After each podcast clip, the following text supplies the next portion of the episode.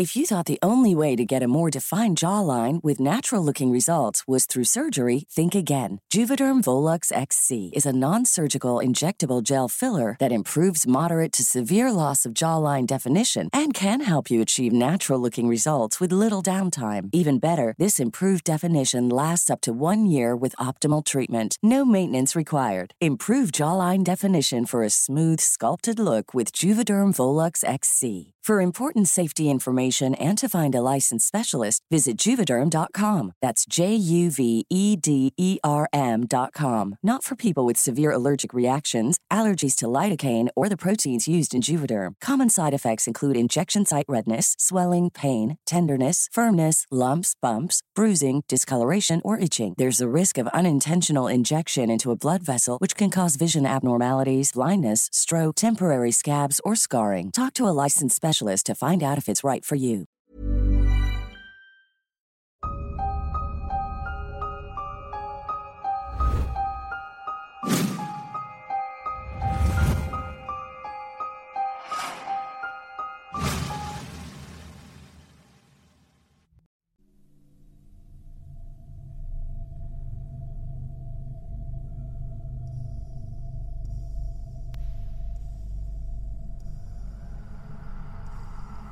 Assalamualaikum warahmatullahi wabarakatuh. Selamat malam, selamat pagi, dan selamat siang buat teman-teman semua yang sedang mendengarkan saya kali ini.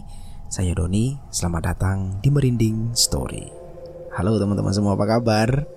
Wah, udah lama banget ya. Aku gak nyapa kalian semua dengan opening podcast yang seperti ini. Kayaknya terakhir aku opening podcast ini tuh di Ngipri Kete episode berapa ya? Kayaknya masih di bawah episode 10 deh kayaknya ya Gak tau dia lupa. Pokoknya udah lama banget.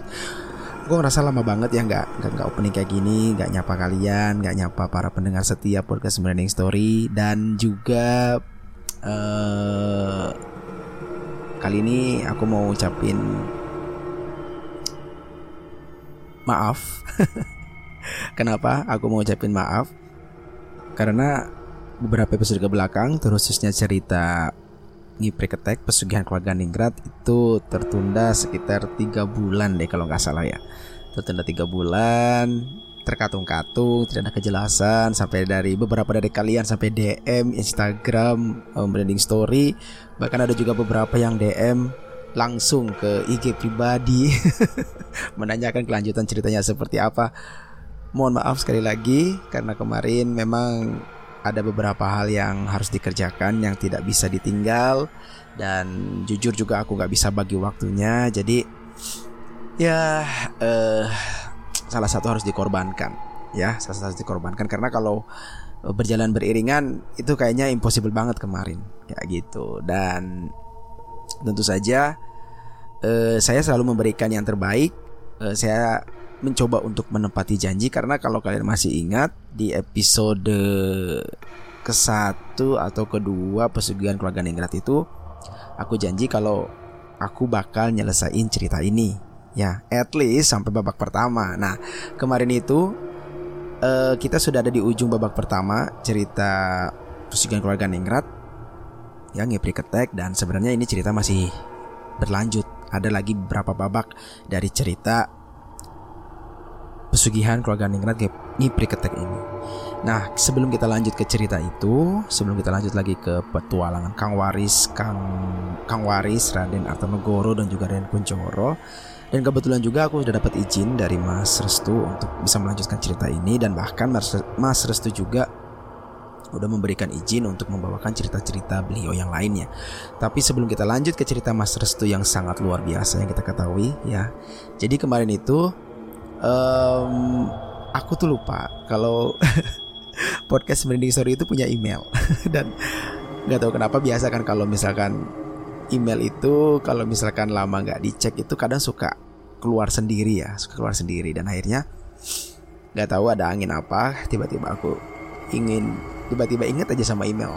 Ah kok gua lama nggak cek email gitu kan akhirnya gua login dan ada beberapa cerita dari teman-teman yang sudah kirim ke email dan aku belum baca sama sekali. Jadi aku sekali lagi aku mohon maaf ya teman-teman ya kalau email-emailnya gak sempat aku baca, gak sempat aku buka. Nah, jadi kali ini aku mau uh, baca cerita-cerita yang sudah teman-teman kirim via email dan sepintas aku udah baca seru-seru ceritanya. Jadi hari ini bakal aku bacain deh buat kalian semua ya. Dan terima kasih juga buat teman-teman yang sudah kirim cerita-cerita pengalaman-pengalaman mistisnya ke email podcast Mending Story. Dan buat teman-teman juga nih, teman-teman yang lagi dengerin sekarang, sekiranya punya cerita mistis atau cerita horor atau cerita sesuatu yang aneh yang sekiranya bisa di-share ke podcast Mending Story, kita sangat senang banget ya kami kita pasti bakal terima cerita-cerita teman-teman semua dan kita usahakan juga untuk uh, baca cerita cerita teman semua yang sudah masuk via email ataupun boleh ya kalau misalkan nggak lewat email lewat DM Instagram juga tidak apa-apa. Jadi kita tunggu ya buat teman-teman yang mau share cerita mistis atau cerita aneh cerita horornya ke podcast Meaning Story. Oke, jadi hari ini malam ini aku akan baca sekitar eh uh, maaf ya kalau ada suara-suara serak serak serak serak itu suara hidung yang sedang hujan alias pilek. Oke jadi uh, hari ini aku akan bacain tiga cerita yang sudah dikirim oleh teman-teman via email ya. Dan terima kasih banyak. Ada uh, aku nggak bisa kasih tahu um, nama emailnya tentu saja ya dan teman-teman yang ngirim cerita juga rata-rata minta disamarkan untuk ceritanya. Eh ceritanya untuk namanya. Ya disamarkan. Jadi eh, tidak ada informasi mengenai nama ataupun tempat kejadian. Ya oke. Oke kita baca untuk cerita pertama.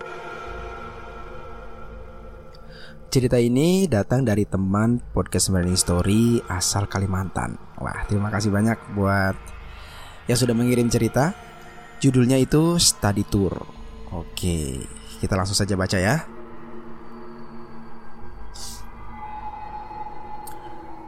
Kenalin aku Caca, asal Kalimantan Tengah. Aku pendengar baru Merinding Story.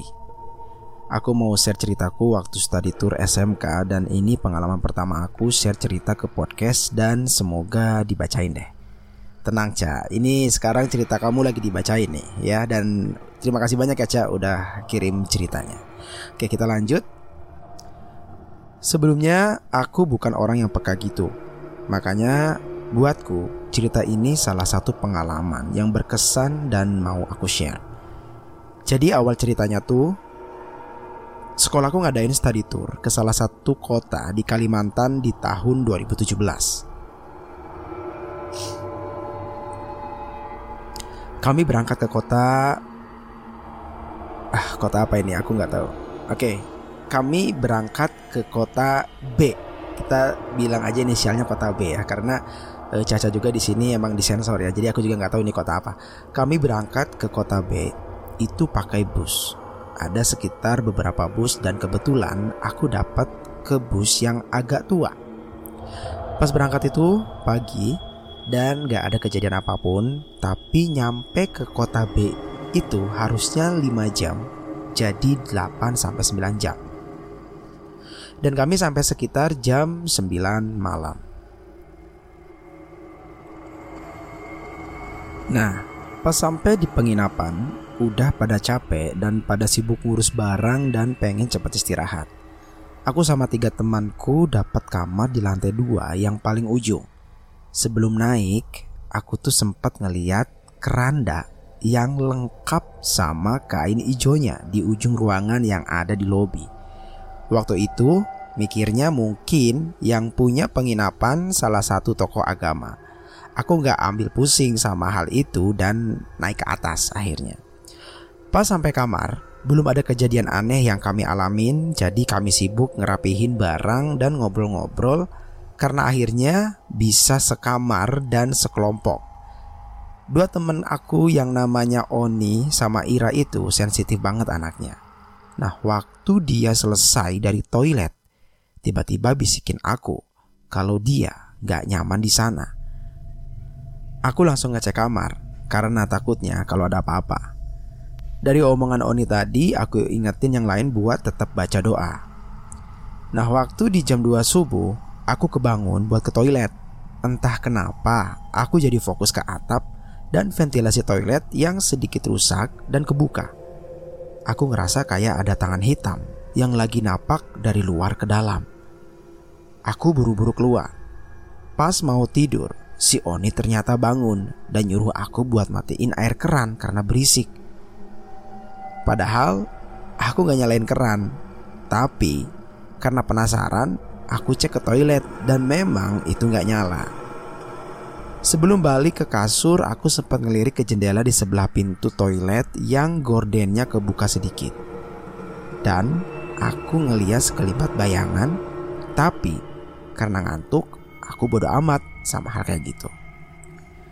Kemudian sekitar jam 3, temanku yang namanya Suni tiba-tiba bangun dan marah karena katanya ada yang pegang kakinya.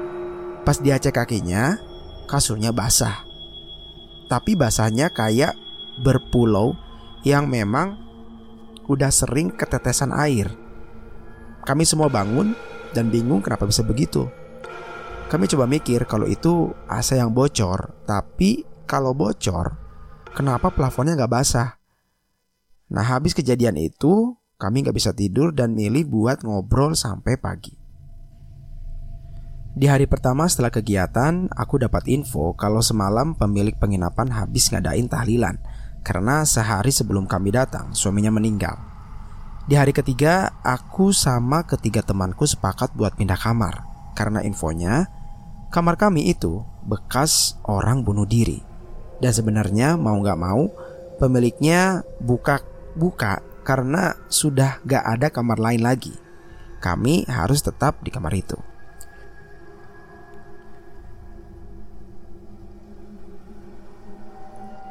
Di hari kelima kami kesempatan 3 jam buat jalan bebas masing-masing dan kami berempat milih jalan kaki ke pasar malam yang dekat penginapan. Sepuluh dari pasar malam, entah kenapa firasatku gak enak dan aku sempat mikir gak mau balik ke penginapan lagi.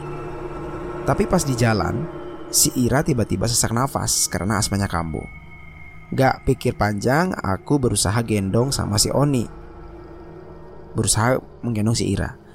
Malam itu jadi malam paling mencekam.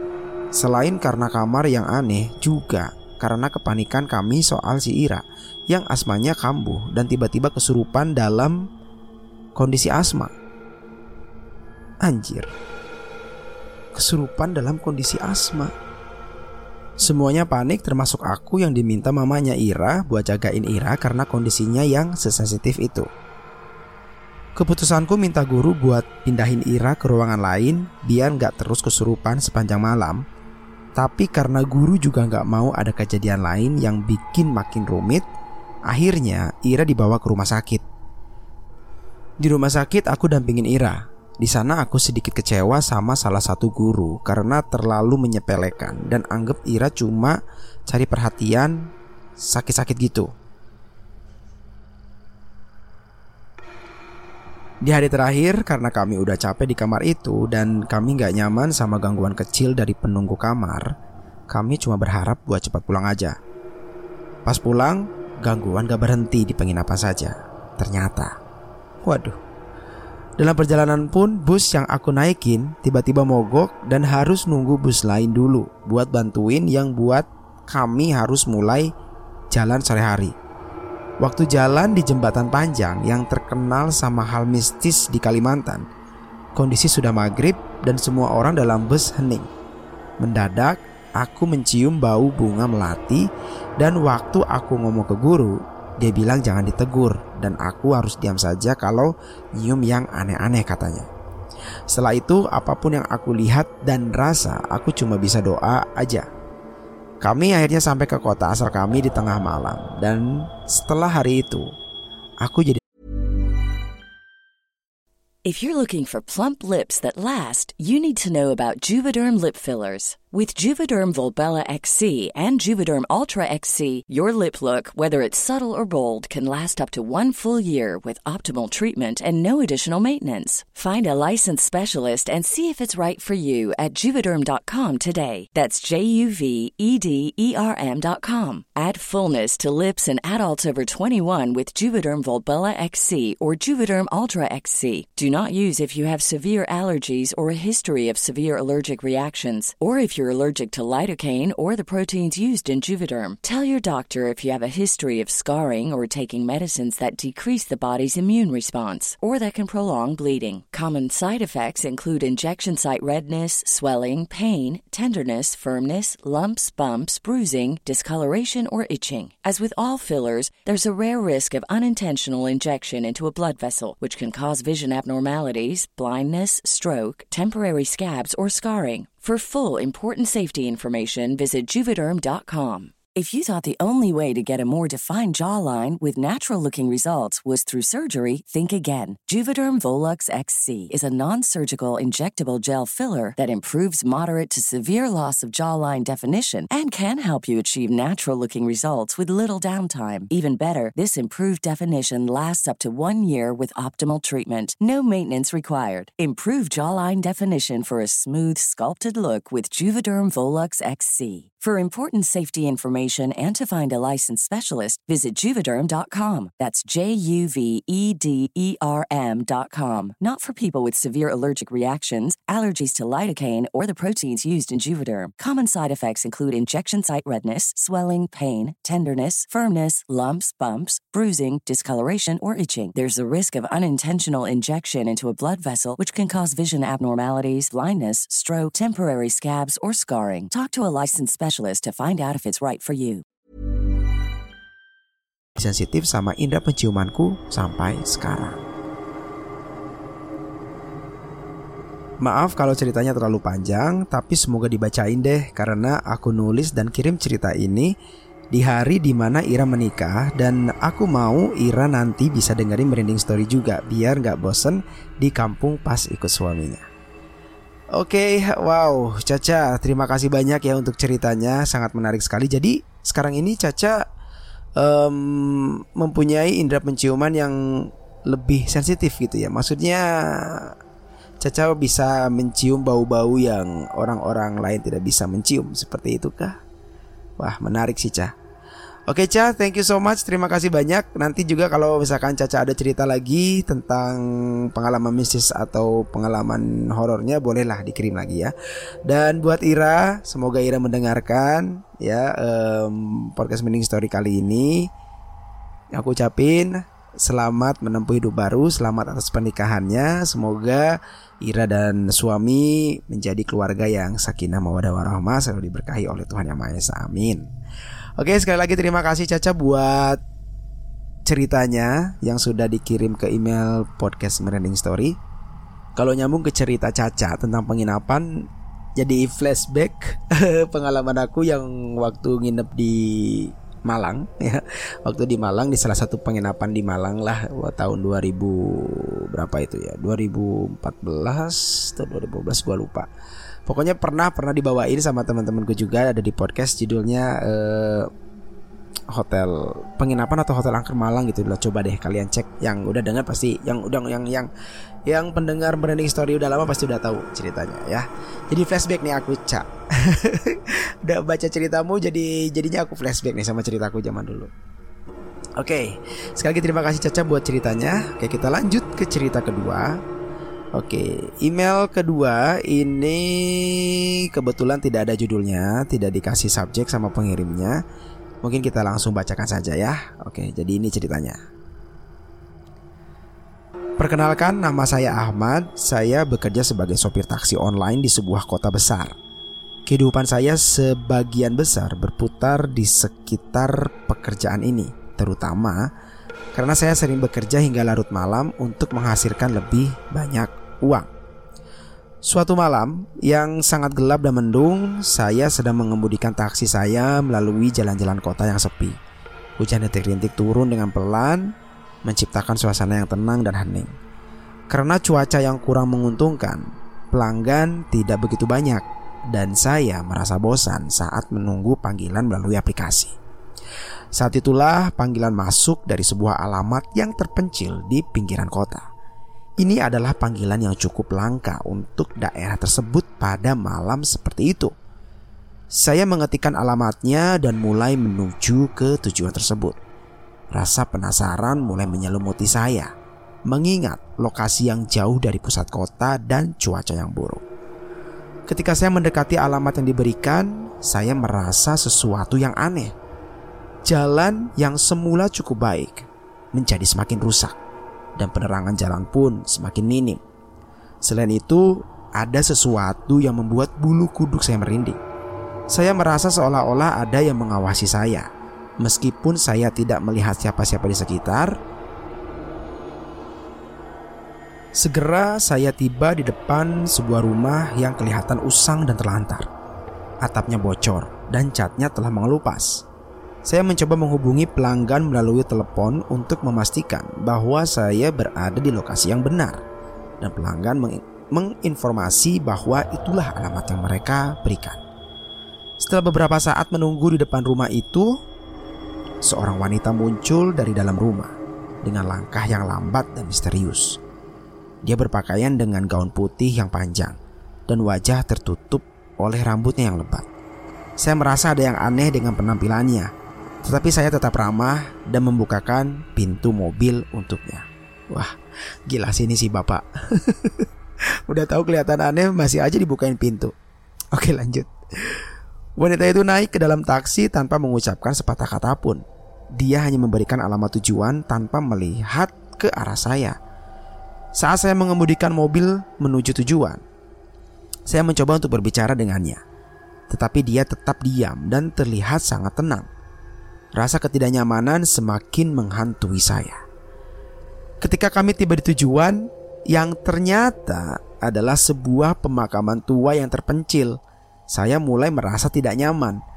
Wanita itu turun dari taksi dan pergi menuju salah satu makam tanpa berkata apa-apa saya memutuskan untuk menunggu sebentar, berharap dia akan kembali dan saya bisa mengantarnya pulang. Anjir, siapa ini sih? Pak Ahmad. pak, Pak, aduh udah tahu Bapak aneh ngapain ditungguin, Pak. Buset dah. Oke, kita lanjut. Ketika kami tiba di tujuan, eh ini udah ya.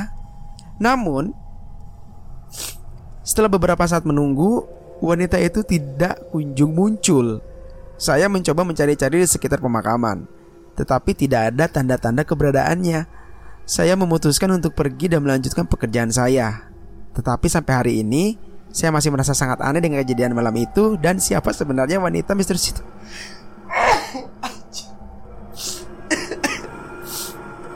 Pak Ahmad, Pak Ahmad. Aduh ini nggak tahu Pak Ahmad, nggak tahu Mas Ahmad. Aduh nggak tahu deh.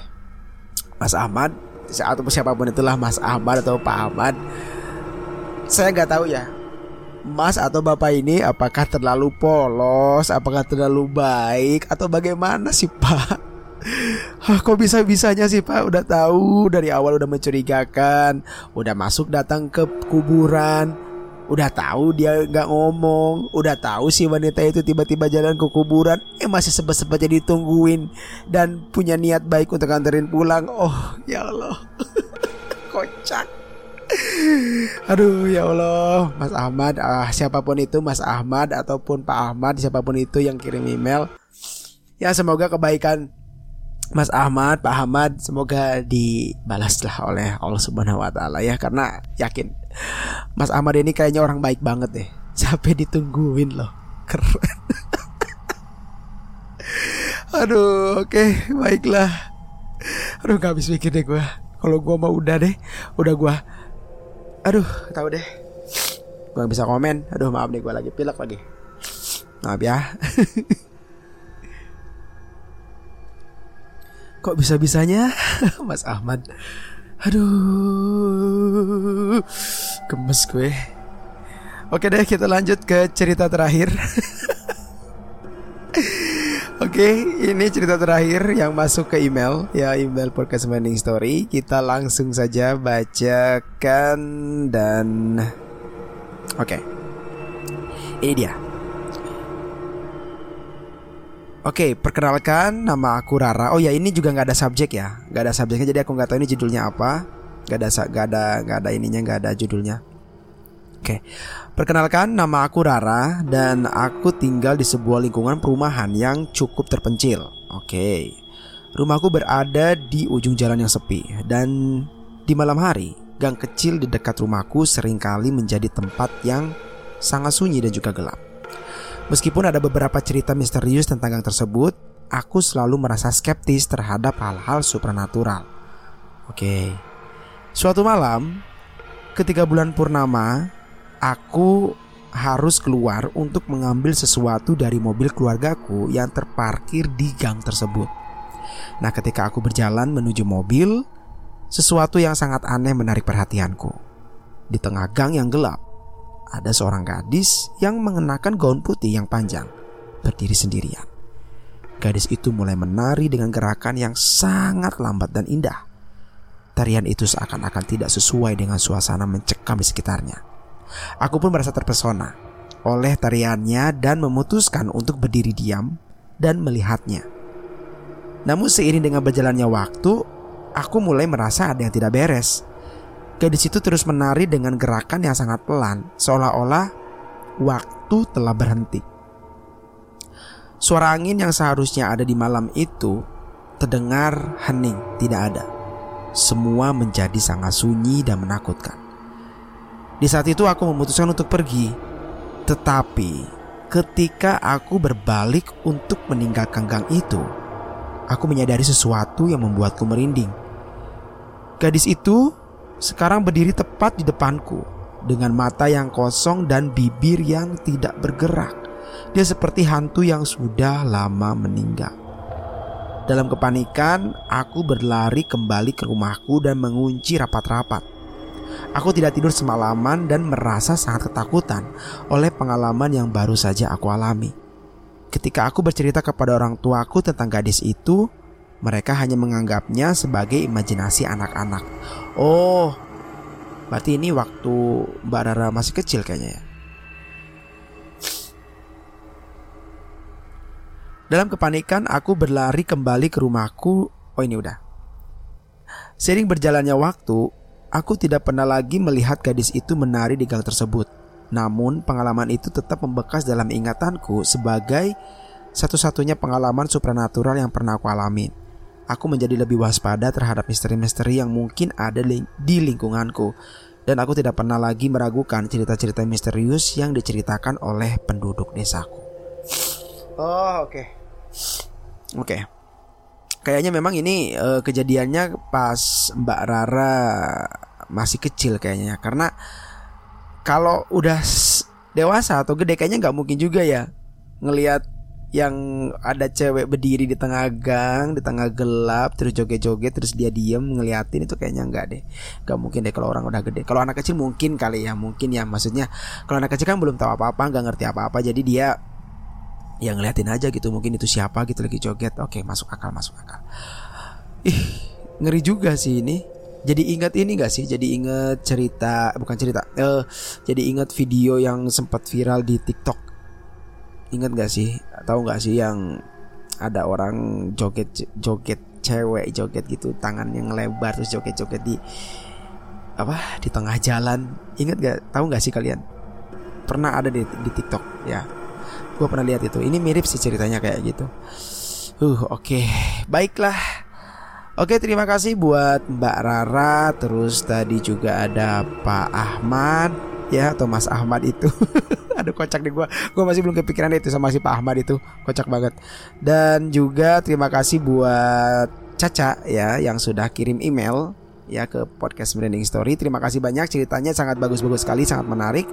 Dan buat teman-teman semua juga yang pengen atau punya cerita horor atau mistis yang mau dibagikan ke podcast branding story, boleh banget langsung aja kirim ke email podcast branding story atau juga lewat DM semua email uh, eh, IG ada di kolom deskripsi ya. Jadi silakan teman-teman bisa kirim. Insya Allah nanti aku akan bacakan. Oke. Okay? Baiklah, mungkin untuk podcast hari ini saya cukupkan sampai di sini. Terima kasih banyak sudah mendengarkan. Semoga cerita yang saya bacakan hari ini, eh, cerita yang sudah dikirim oleh teman-teman podcast Mending Story bisa menghibur kalian semua. Oke, saya Doni undur diri. Terima kasih banyak sekali lagi. Selamat malam, selamat beristirahat. Saya akhiri. Bila taufik hidayah. Wassalamualaikum warahmatullahi wabarakatuh. Akhir kata, salam merinding.